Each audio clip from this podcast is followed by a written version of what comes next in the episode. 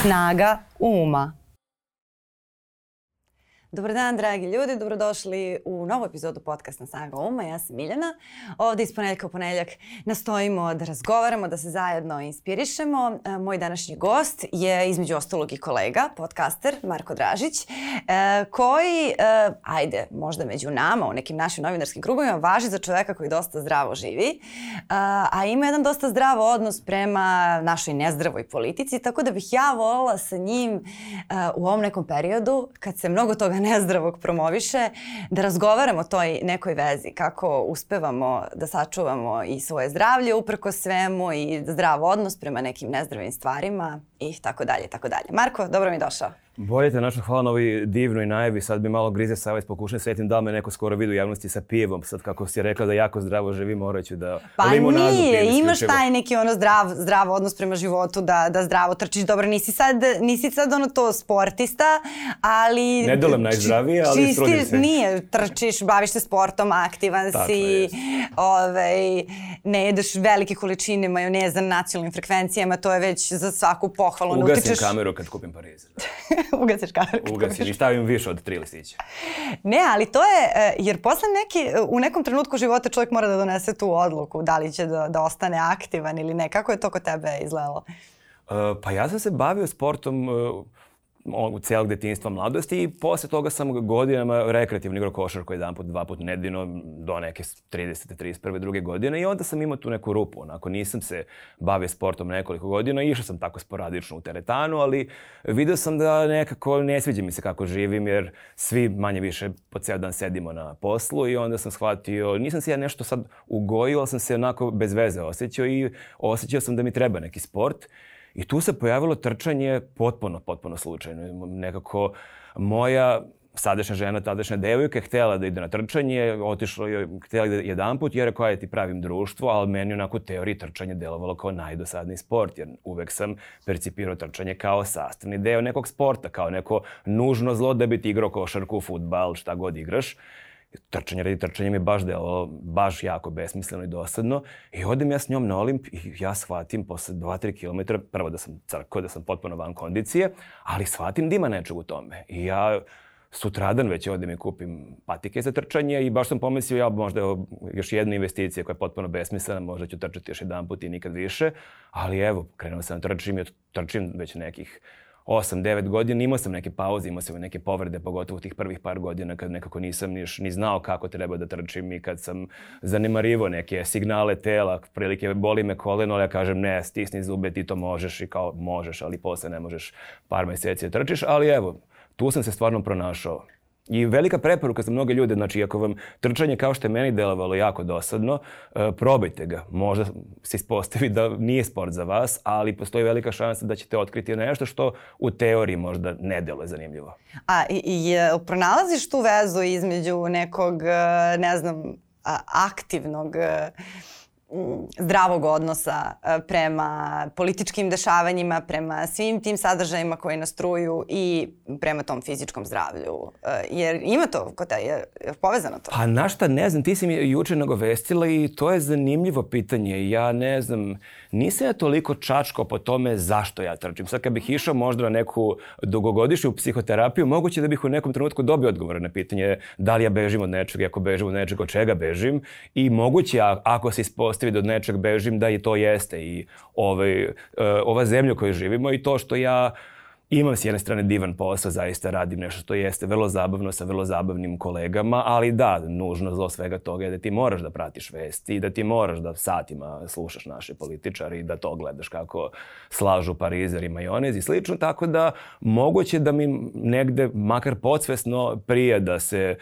pročistim od svega toga i da trčim sate dva, da budem sam sa svojim mislim ili da slušam možda neku muziku, neki podcast ili prosto da osluškujem malo sebe. Ja, ja kad, kada trčim nemam toliko ošće da bežim, ali imam taj ošće da ostavljam iza sebe kao... Napuštaš nešto. Na, kao da, da bukvalno da ostavljaš iza sebe nešto i to, to da neko, ima taj neki relaksirajući moment, uh, sigurno, naročito jeste, Jeste, pogotovo kad završiš. Mislim, samo trčanje često ume da bude jako teško i sad da ti sad ljudi kažu koji trče kao ja, divno je trčati.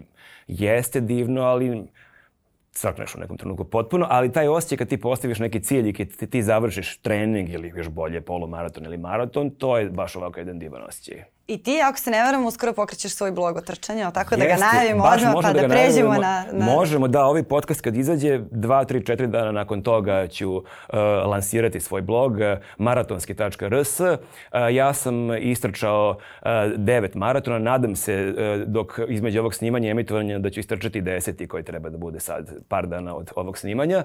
I došao sam na ideju da, pogotovo što sam te maratone trčao u nekim dosta zanimljivim gradovima po Evropi, došao sam na ideju da o svakom tom maratonu napišem jedan ovako malo obširniji tekst gde će moći da prenesem šta sam ja doživio na, na toj trci, kakav je osjećaj trčati maraton, šta je to što je u moje glavi na 10., 20., 35. kilometru i kakva je bila atmosfera, kakva je publika, kav, kakva je organizacija, kakav je taj ceo grad, da prosto probam da ljudima koji se spremaju da trče ili koji ne trče, koji možda se pitaju zašto pobogu neko trči maraton, što sam se možda ja pitao pre par godina, da im prenesem deo te atmosfere. A čekaj, koliko si ti godina imao kada si krenuo da trčeš maraton, ako sam da pitam? Ja, e, smeš da pitaš, ja sam kasno počeo da trčim, ja ja sam prvi polumaraton istrčao sa 37 godina, a imao sam 41 kad sam istrčao prvi maraton, sad imam 43. Dakle, to sve pričamo poslednje dve godine. Znači, ti, ti imaš 43 godine? Imam 43 znači, godine. Zašto sam ja bila ubeđena da si ti tu negde moje godište, ali dobro. Ne znam koje ste godište, ali 87, ako je kompliment, 35, hvala ti. Ja, jeste, pa mislim kao jeste, ajde.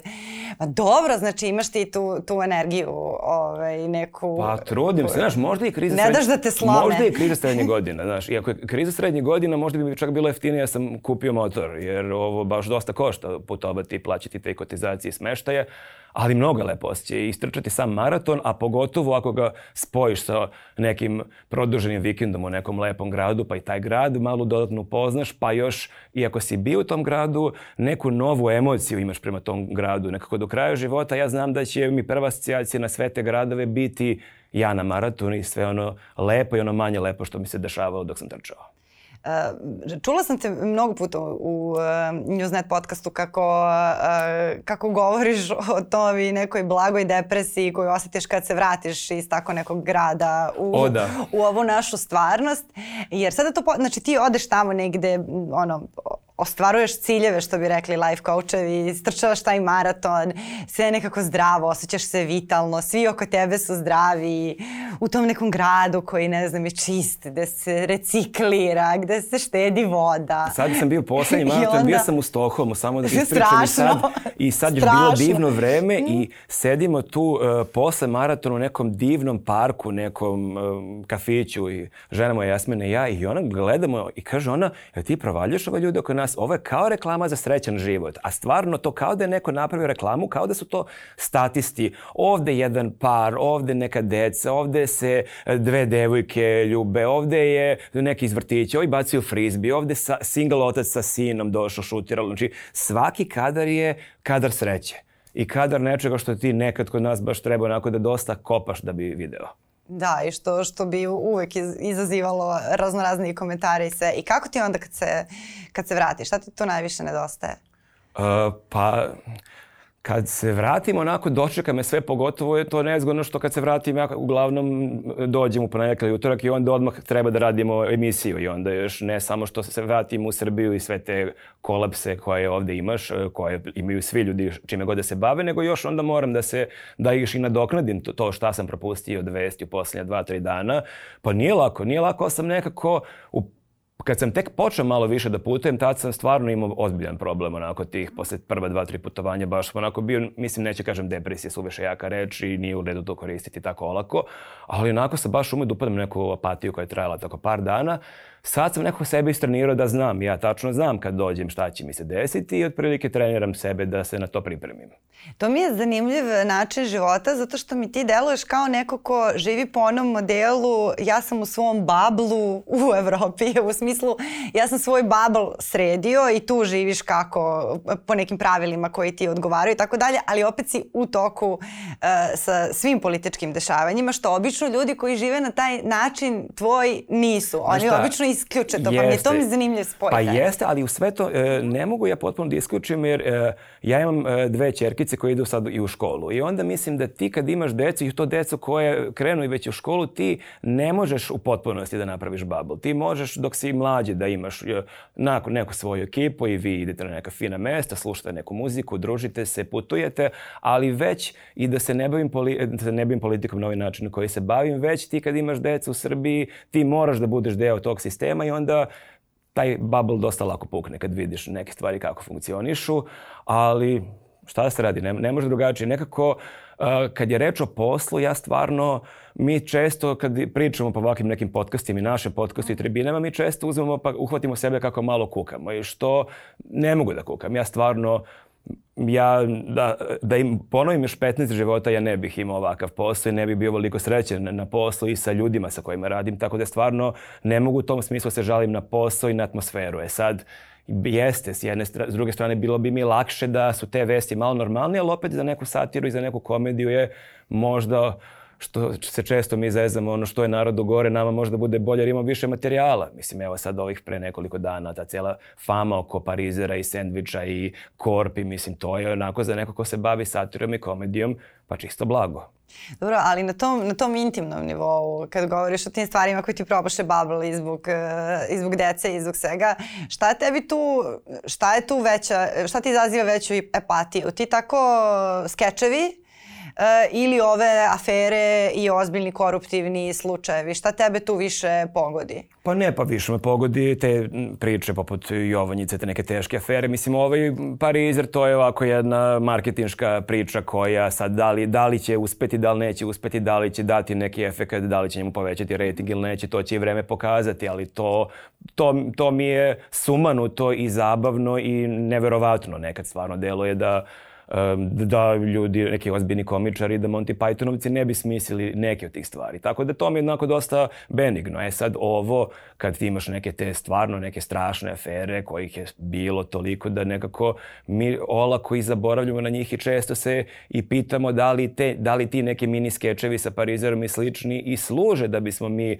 malo zaboravili neku ozbiljniju aferu pa se bavili sad tri dana da li je Vučić stavio tri ili pet listića i da li je zagrizao sandvič ili nije zagrizao sandvič Jovanović. Tako da, mislim, mi smo par dana pre toga imali ozbiljnu priču o tome da je e, narodni poslanik i advokat nudio e, mito inspektoru da prećuti e, najveću aferu poslih ne znam koliko godina, a činjenica opet da mi pričamo već danima, uključujući kad kažem mi, mislim i mi, mi, mi preuzivamo tu krivicu jer nekako lako upadneš u to, suviše to je nekako efektno i zabavno. Pa bar misliš da se onda baš, e, ako imamo i te komentare da su često ti skečevi vrlo bizarni, mm. da, da se onda baš prave tako da izazovu što jaču reakciju, čak može i mučnina, bilo šta, samo da bude dovoljno jako da zasani sve ovo nešto drugo racionalno. E, vrlo moguće i sigurno ima i toga. Ja opet... Uh, mislim da je opasno da upadnemo u drugu krajnost. A postoji ta druga krajnost, a to je ta e, famozna priča o tim mitskim Izraelcima koji rade Vučiću kampanju i onda imaš taj moment da šta god da uradi Vučić, on da se saplete sutra na ulici, neki će ljudi reći, ma to je namerno, to su mu rekli Izraelci, to je deo strategije da bi on time skreno pažnju na ovo ili ono. Tako da mislim da i tu treba biti obazrivi. Ja zaista mislim da je on nije superheroj i ljudi koji s njim rade su dosta limitirani, tako da ja zaista ne želim da verujem da svaka stvar koju urade i svaki lapsus i svaka stvar koja se desi da je deo neke unapred smišljene strategije koja ima cilj da to i to uradi. Mislim, jer ako je tako, onda je to onda je to najsavršenija vlast svih vremena. A u kom smislu kad kažeš limitirani, na šta, na šta misliš? Pa mislim na to kad ti vidiš ljude koji su pored njega, kad vidiš te da. ministre, u tom smislu. Znaš, ja ne, ne, ako bih upao u taj mod da ja mislim da je sve deo da napred isprogramirane taktike da bismo mi odavde došli do ovde, to bi možda moglo da funkcioniše u nekom SF filmu da ti zamisliš neku najsavršeniju vladu, ne znam kakvim super ljudima. Ti vidiš Tomu Monu, Bakareca, raznorazne sad toliko da ih ne nabrem, premijerku i jasno ti da oni nisu baš taj kalibar. Da, i onda razmisliš kada bi zaista e, sve to funkcionisalo po, to, po toj nekoj mapi savršenoj, da nas sve vodi od tačke A do tačke B, zašto bi nas iko stavio u ovu tačku u kojoj je toliko ljudi u ovoj državi potpuno beznadežno i uh, mislim, zašto bi nas iko doveo do ovde? Čak i iz njihove perspektive mislim da ne bi baš to imalo pa, smisla. Pa slažem se, slažem se. Ne, ja svakako mislim da ima. On se bavi i tekako i istraživanjem javnog mijenja i marketingom i sigurno mnoge stvari koje rade služi da se zamaže oči narodu. Ja samo ne želim da upadnem u tu e, teoriju zavari paranoju da je sve što su oni uradili i što dele pot, kao potpuna budalaština da je deo napred smišljene genijalne strategije. Jer time bi se baš izdeprimirao jer bi to značilo da je nemoguće da će on nikad pasti sa vlasti. Dobro, da. A i to je, to je čak, e, mislim i u Gebelsovoj teoriji je bilo da se oko vladara uvek treba, po, e, da oko vladara uvek treba postaviti ta neka ogromna objašnjenja da uvek sve što on uradi da postoji taj buffer, da narod poveruje da je to zbog nečega, da li zbog nekog višeg cilja ili da čak kada uradi nešto se njima ne dopadne, da to uh, e, nije on, nego ne znam, njegova yes. supruga, njegovi loši saredni, sa, ovi oko njega yes. su loši, al, al, on je al, dobar, to je, ta, to je njegov model. To je ta mantra da. koja se da. gde se on obraća ljudima koji su za njega. Mislim, ne, pored, ne poredim vladavine, da se razumemo, Ogra, pričam, dis, pričamo o teoriji, o teoriji propagande koju koriste neki brendovi, znači to nije uopšte ono, jest, jest, različiti je, je, Slažem se, ali mm. to verovatno se odnosi na ljude koji su za tu opciju. Da. A ja pričam koliko je opasno da, ukoliko si sa ove druge strane, pa ti se boriš na bilo koji način protiv toga, pa ti upadneš u tu paranoju da ništa nije prepušteno slučaju, da je sve unapred, sve isprogramirano. Pa to dolazi iz nemoći, iz tog nekog osjećaja nemoći, jer to što se često dešava, mislim, na, na, na raznim poljima ljudi će lako da skliznu u taj, u taj model, u to verovanje da je taj neki neprijatelj suviše veliki, suviše, ne znam, pametan, Jest. organizovan, Ali bogat. kako se onda boriti? Ti onda ne možeš pa da motivišeš sebe da se boriš ako se ti pomiriš s tim da je on savršen i da su ljudi oko njega savršeni i da su to, uvek je tako lako reći to, radimo Izraelci kampanju. To je uvek ta neka rečenica koja ništa ne znači, a zapravo kao treba sve da znači, jer ti Izraelci nikad ništa ne mogu da pogreše. Jeste da to je, to je zanimljivo. A e, da li ti e, imaš moment kada tumačiš e, ta ponašanja, te velike propagandne mašine, jer to većina nas radi e, koji smo u medijima i kada kažeš aha, ovo je greška. Pa, e, naravno, ali da ih Da svesno imaš... hvataš u greškama. Jeste, ali onda opet e, imam taj moment, e, to je greška, ali onda se pitam, dobro, da li se on obraća meni? Da li on misli da ću ja, ja sutra glasiti za njega ili je to greška za mene i za tebe, ali smo možda mi stvarno manjina i možda je to za nas greška, a za mnoge ljude je prava stvar. Mislim, meni je ona to da se vratimo na taj Parizer koji jeste nekako ono, e, događaj meseca. Jo, Meni je to potpuno budalaština, naravno, ali moguće to smo baš i u podcastu analizirali, moguće i sam ta, taj obrok sa Parizerom, a, da, da to prosto želi da uh, pruži mogućnost nekom njegovom glasaču da se identifikuje s njim. Čak mi se čini da i ta famozna tri listića Parizera u pola hleba, što je najgadniji, najsuvlji sandvič svih vremena, ono bi bilo nemoguće sažvakati, Možda je čak i ta tri listića on procenio da će se ljudi preidentifikovati ti neki najsiromašniji jer da je stavio 6-7 komada možda bi delovalo da se bahati. Tako da je moguće da te neke stvari on radi znajući kome se obraća, kao i kampanje brendova, nekako ne pucaju svi na sve ljude. Tako da hoću da kažem da ako nešto uh, se meni čini kao greška. U početku sam pre par godina kad nekako sam bio i manje iskusan i kad je on bio manje na vlasti, ja sam često e, se hvatao za glavu i neko mi nije bilo jasno je moguće da takve gluposti oni rade, ali onda shvatiš da verovatno oni imaju neke istraživanje i da znaju za koga to funkcioniše. E, meni se čini da, da ti skečevi sami po sebi u smislu kao PR aktivnost, ako ćemo tako da ih nazovemo, da oni jesu e, na neki način istraženi i da, da, da oni oni znaju zbog čega ih rade, ali da su kod njih greške u meri. Kao kada izađe na, na, na preskonferenciju i krene da freestyluje i priča sat i po vremena sam sa sobom i svima je neprijatno i njegovima je ne. Tako da možda čak i sa ovim sandvičem, možda taj sandvič kao koncept jeste imao neku računicu, ali on je pričao i priča. Uvek... Imao je besedu o sandviču. Da, imao je besedu. I meni se čini da, da su to ti trenuci, to su te fini detalji ko, koji su jako važni. I na kraju nismo videli da je zagrizo sandvič. Da, da. I onda imaš sad dalje nastavak objašnjenja, onda su dan, dva kasnije. Ovo je tom... priča kako je pojao, da. Jeste, da, tako da ima ono developing story, da, baš ono neverovatno. Ali vidjet ćemo, ja vidjet ćemo za par meseci kako, kakav je njemu rating, da li je, da li je to donalo nešto njemu, da li je izgubio nešto. To još uvek je možda rano da zaključujemo. A da li misliš da on kao influencer, pošto se vidi dosta bavili našim predsednikom kao influencerom, što pozdravljamo apsolutno, zato što on i reklamira brendove još od dolaska Ikea na ovamo je to, to bilo i Lidla. Da, ni sastavu Ikea. E, da, da, i Lidl kada je dolaze isto bilo, bilo tu dosta pompe, pa i sada već na Instagramu ona ima neku vrstu klasičnih uh, saradnji, te ovaj spa centar šećer, ove bombone, ovo piće, uh, baš funkcioniše. Čak ni premium influenceri ne rade, ne rade to tako očigledno kao on. Ali dobro, e, jeste li razmišljali o tom e, načinu života koji on promoviše? Jer on imao je onu jednu godinu kad je samo bilo rakija vino, rakija vino, a sad je nekako otišao u, u ne znam, sarma, višnja, parizer, a eh, pre, hrana. A pre faze rakija vino ima fazu da on ne pije, da on nikad ne pije, on je samo jedan put nazdravio kad to. se ne znam šta desilo. I ne zna šta je kafa, vrlo nikad kao čudan odnos. Kafu. Pa, da. E, jako je čudno, jako je to onako šizofreno, ja ne znam kome se on obraća, mislim, ja shvatam to recimo da kad, kad jede parizer, shvatam šta time hoće da poruči, ali e, to kad kaže da nikad u životu nije pro probao kafu, taj deo mi nije jasan zašto. Čak i da je istina, ma nekom mi nevjerovatno da nije probao kafu, ali čak i da je istina, što to potencira? Jel, jel to ikome bitno? Ko se identifikuje s njim onda u tom smislu?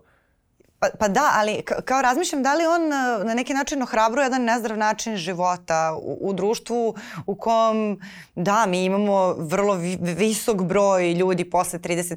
40. sa srčanim problemima, sa diabetesom. Znači, to su sve neke, pa i onda ta bole sedenja. Dakle, to su kao neke pošlosti modernog doba, bijeli šećer, nezdrava ishrana, previše sedenja. To su sve neke stvari, ok, ne moraš da ti kao predsednik države da trčiš mar maraton i da ovaj, uh, eh, jedeš kinovu svaki dan, ali opet e, ima taj moment da promoviše. Jedan, da. da, i to, to si lepo zapazila, a postoji i nastavak toga koji je meni još problematičnije, to je aj što on živi kako živi, što se on ne bavi sportom, e, a nego što on na, u nekoliko navrata onako s podsmevanjem spominju to kako ovi Siniša Mali non stop negde putuje, nek trči, Marko Đuri trči maratone, Nedimović igra futbal rekreativno, onako je malo s pričao kako je to, oni tu imaju neke... Pa Hejtovo rukolu jedno vreme. Imaju, im, ali, ali baš konkretno bavljenje da, sportom. Da, da. Kao oni imaju te neke glupe hobije, on non stop radi, oj tamo, ko budale trče neke maraton, igraju futbal. Da, to jeste čudno i loše poruka. A studira za sportskog trenera. A da, ali koji će da sedi da.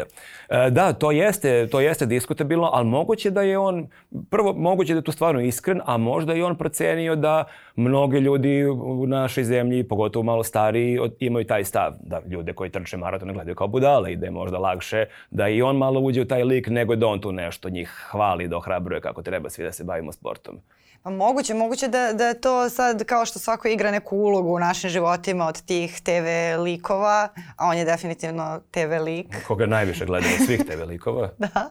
Možda on rešio sam da zauzme tu ulogu tog nekog teče sa slave koji će dođe kaže ajde kakav si ti, ti to muškarac nisi pojeo ni vola jest, danas. I ali teče sa slave je onda... Popi rakiju, nemoj da jest, piješ vodu, ali kad to pogledaš njegov Instagram to je jako čudno, čudno. Znači on je to teče sa slave, onda je u odelu, onda obuče neki dukseve s kapuljačom, neke trenerke, nešto i čudno, kao da se on malo traži, kao ono kad su e, klinci ono, u pubertetu ili malo posle u srednjoj školi, pa si to, malo si reper, malo si metalac, malo si dizelaš, nekako kao da je on prilike dalje malo traga šta je njegov stil.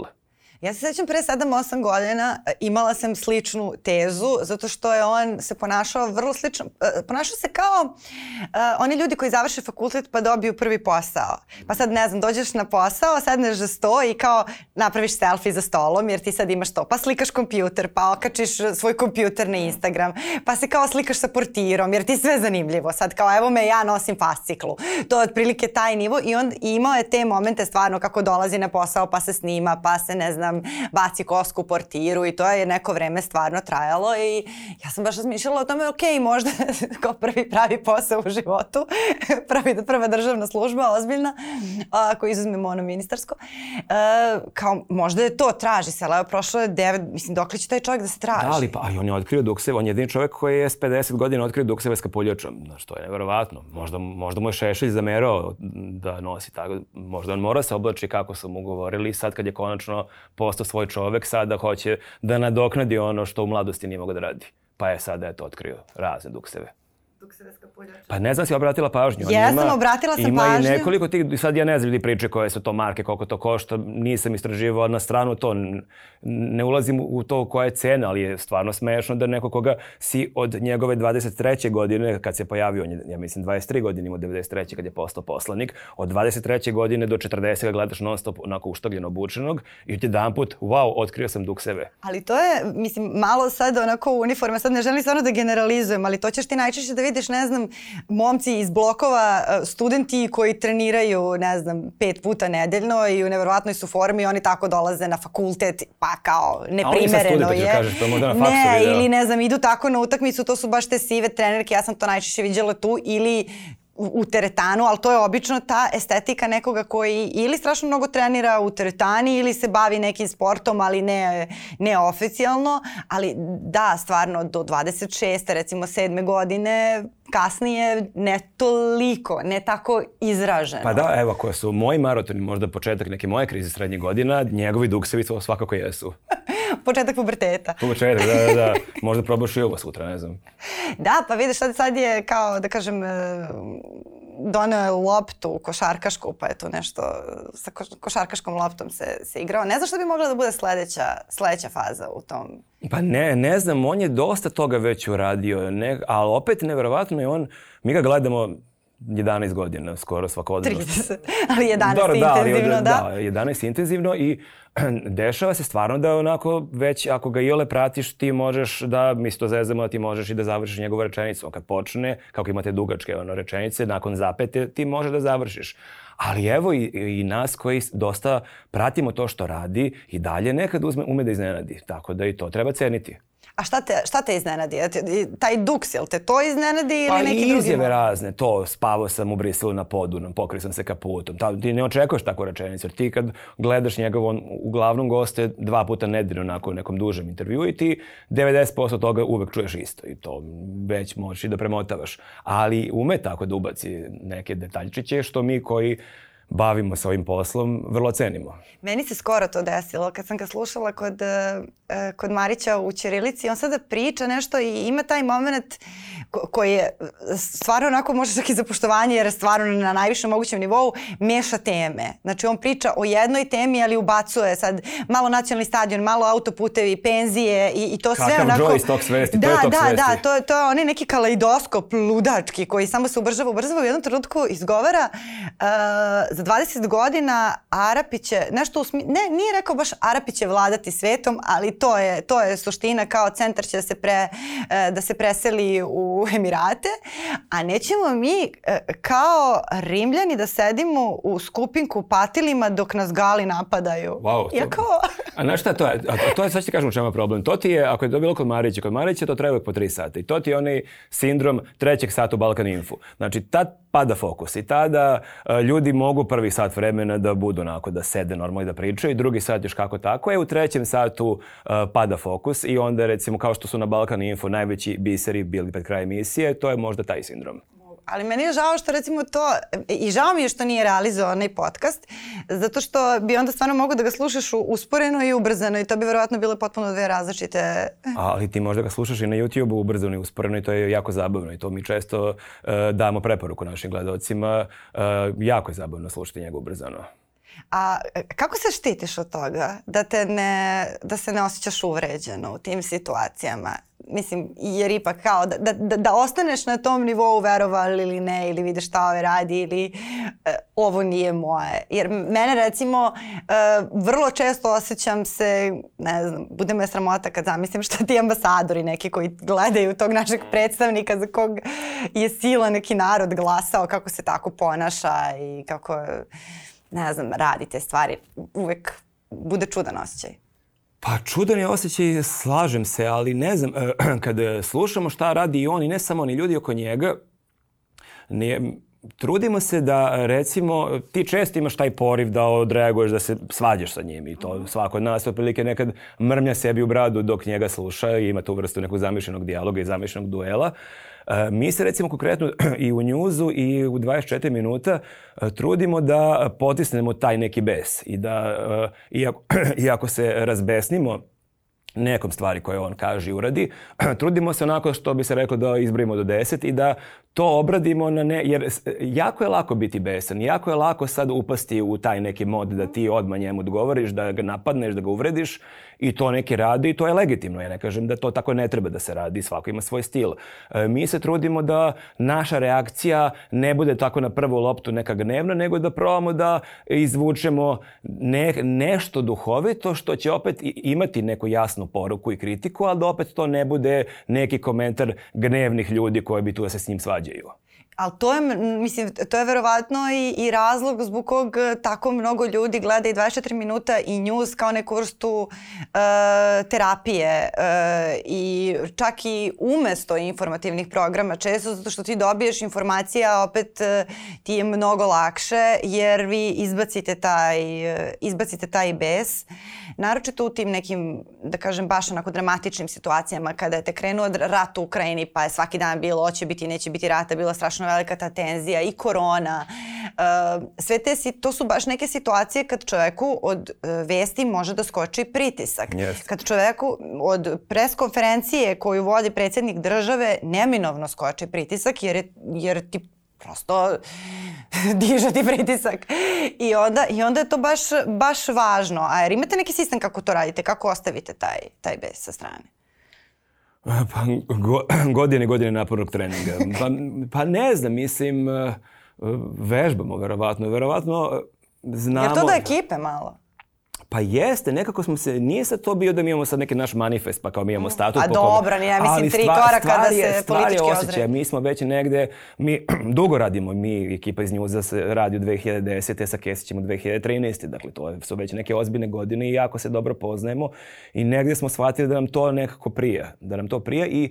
Uh, to što kažeš za te konferencije za medije i tokom korone, meni je stvarno uh, Uh, sad kad pogledam to kao da je bilo pre 10 godina i to je bilo neko strašno vreme i mi smo, nama je bilo jako to teško i tad smo prvi put radili mm, van redakcije, radili smo preko nekih zoomova svako iz svoje kuće i to je onako bilo nama jako stresno, pogotovo prva ili druga epizoda, ali jako mi je onako puno srce sad i sa ove distance kad vidim koliko je mnogo emisije, tad još uvek News Podcast nije postao, ali koliko je emisija 24 minuta značila ljudima, jer meni je toliko ljudi rekao baš tokom karantina koliko je to nekako, koliko su ljudi čekali tu subotu da vide i oni sobni talenti i koliko je tu negde bilo nekih stvarno divnih momenata e, da neko sam jako ponosan i baš vidim da smo uradili pravu stvar i što sam ti rekao sad kad smo dolazili ovde, ja ne bih želeo da u bilo kom momentu krenem i ja i moje kolege da preozbiljno shvatamo ovo što radimo i da mi krenemo tu sami sebe da, da hvalimo kao naš predsednik kako smo mi ne znam šta postigli, ali zaista ovako mogu da kažem da mi je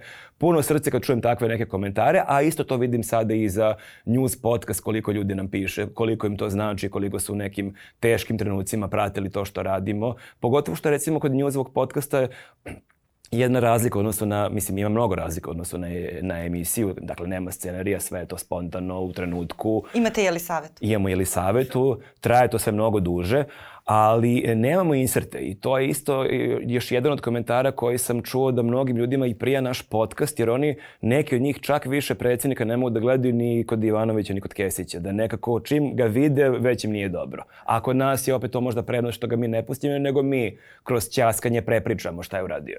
To, je, e, to, to sve stoji, a ovo za, za koronu mogu da potpišem zato što i meni mnogo, mnogo značio. Baš taj vaš jedan zdrav i lagan odnos, jer mislim da nam to, da nam to baš u društvu inače fali.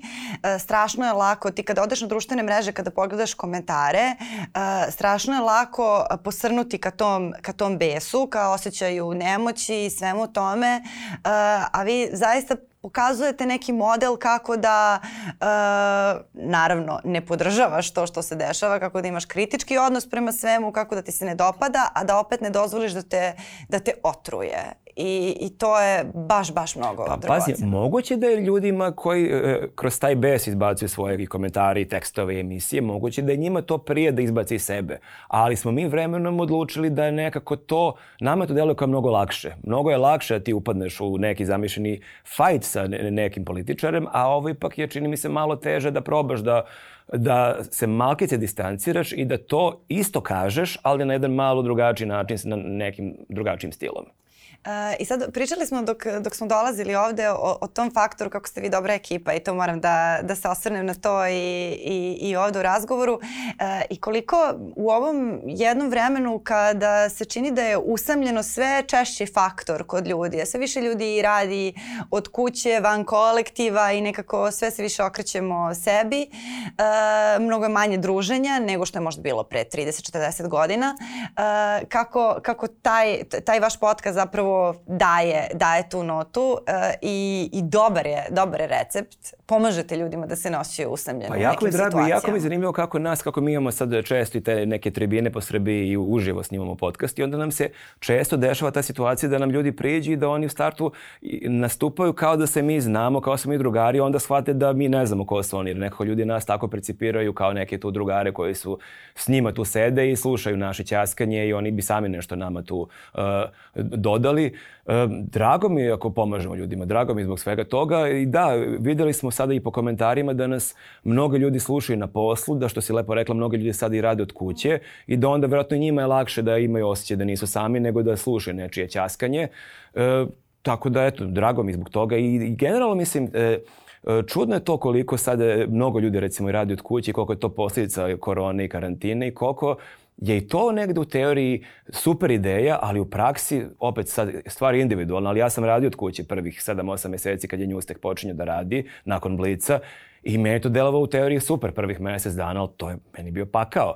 Jer koliko god da je nekad naporno ići na posao i biti zakračen negde u prevozu i koliko god imaš i neke možda kolege koji ti nisu baš idealni, ipak je mnogo zdravije izaći iz kuće i vidjeti ljude nego biti non stop sam, pa još u sve to i dostava hrane, više ljudi ne idu toliko možda ni u prodavnice, gledaju Netflix, ne idu po bioskopima, mislim stvarno i to jeste neki, čini mi se dugoročno gledano jedan problem i drago mi ako mi, i ne samo mi, već ljudi koji se bave raznim sličnim stvarima i ti kroz ovaj podcast, da ljudima negde pružaš taj neki osjećaj da su u društvu. Pa ja inače mislim da, da su podcasti u tom vremenu s jedne strane dopisivanja koje je dosta zamenilo živu komunikaciju što je problematično i utiče na odnose, da su podcasti je, jedina novotarija koju i dalje mogu tako da se nazovu, ali u nekom istorijskom smislu sigurno jesu, ove, koja zaista te vraća priča tom živom razgovoru. Jer u, u podcastima da, ljudi sede i razgovaraju koliko god da ih je, niko ne gleda u telefon, dakle to je onaj razgovor kako se,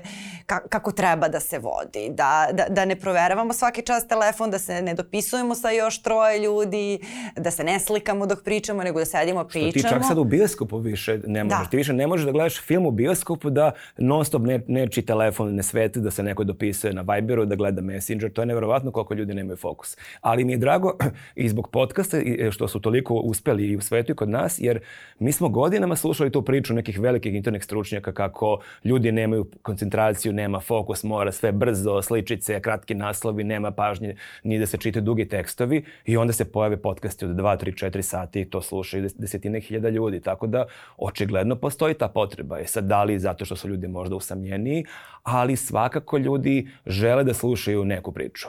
A i to je, mislim, ta priča sa fokusom, to, to često ističem zato što me izluđuju te priče zbog toga što ljudi nemaju, nemaju fokus, treba da pravimo što sažetije sadržaje i što manje. Mislim, to je kao kada bismo rekli ljudi masovno nemaju kondiciju, ajde da pravimo što udobljije stolice i da ukinemo stepenice, svi da se kreću, mislim, pa kao moraju da se pokrenu da bi dobili kondiciju isto i sa fokusom. Prosto moraš, moraš da ga pokreneš, što on atrofira, što se manje koristi, kao i sve drugo, sve u slučaju slučaju nekih baš neuroloških oboljenja ja, koja su i dalje na nivou. Ja verujem o ljudi, evo ja kad sam sad pričao nekim ljudima da pokrećem ovaj blog o trčanju, da će biti onako opširni tekstovi, meni je dosta ljudi rekao kao što sad blog, to je So 2010, kao zašto nije neki TikTok, zašto nije Instagram, ali ja zaista mislim i drago mi je da, evo vidim i neki sajtuju kod nas tipa velike priče, vidim da i oni recimo da. vraćaju ljudima tu naviku da čitamo duže tekstove, podcasti vraćaju ljudima naviku da slušamo duže priče, tako da zaista mislim da ne treba pocenjivati ljude. Ljudima je potreban kvalitetan sadržaj, tako da mi eto i zato mi je i uspeh podcasta, ne pričam samo našem, već u svim podcastima i kod nas i u regionu i u svetu upravo vraća tu nadu da nismo svi samo da jurimo na se sedam mesti da samo gledamo neke sličice i slično. Dobro, a sad smo, sad smo pokrili u suštini e, dosta aspekata o, ove teme o kojoj smo govorili, o tom nekom zdravom odnosu i čuvanju od svih tih toksina, što onih koje nam nameće vreme u kom živimo, što ovih koje nam nameću, nameću mediji koji su, koji su van serijski i to druženje naspram usamljenosti i odnos prema, prema tom nekom zdravlju, a i odnos prema svim tim političkim stvarima. Jer imaš e, neko polje na kom bi tu volao da radiš malo više, nešto što si uočio, što, što misliš da ti, da ti promiče? Da radim nešto za sebe ili za pa druge? Pa to, kao trenutak u kom si odlučio da se možda malo više aktiviraš, e, ovaj trenutak opet kad si odlučio da, ili nisi odlučio, ali kad si se okrenuo humoru, imaš i ne, neko novo polje na kom ćeš raditi to na sebi ili ne? Oh, pa ne znam, za sada mi se ništa tu, ono, ono, e, zadovoljan sam onim što sada radim, e, tako da ne vidim sad nešto novo što ne znači da se neće nešto pojaviti. Ono, trčanje tu meni neki dobar ventil. Mislim, e, dosta si me, moram ti kažem, kad si mi to juče rekla, e, dosta si me navela na, na razmišljanje koliko zapravo možda podsvesno kroz to trčanje negde mi to jeste neka vrsta terapija zbog mnogih stvari, a ponajviše zbog uh, uh, političara i ovih vesti koje moramo da pratimo. Pa da, to je i to vreme kad si sam sa sobom a, i kad se, mislim, ono, vratiš svom organizmu. Jer mislim da mi često prestanemo da, da slušamo sebe, to je mnogo lako danas, a kad trčiš to ne može. Jeste, da, ja, ja zato recimo i trčim sam. Kad smo kod trčanja u Beogradu ima, pa, pa i verovatno i van Beograda, mnogo tih e, trkačkih timova gde ljudi se skupljaju i trče njih 10, 15, 20 i ja mislim to je jako lepa ideja, ali recimo ja baš to nisam želeo ja baš, ja sam igrao to košarku i ja sam u, u društvu, ali sam ja baš želeo da nađem sport gde mogu da budem sam svoj gazda i da to bude malo sam sa svojim mislima. Hvala ti mnogo na hvala ovom tebi. razgovoru, preletelo je. A, a hvala i vama, mi smo tu i sledećeg ponedjeljka na Novarasa.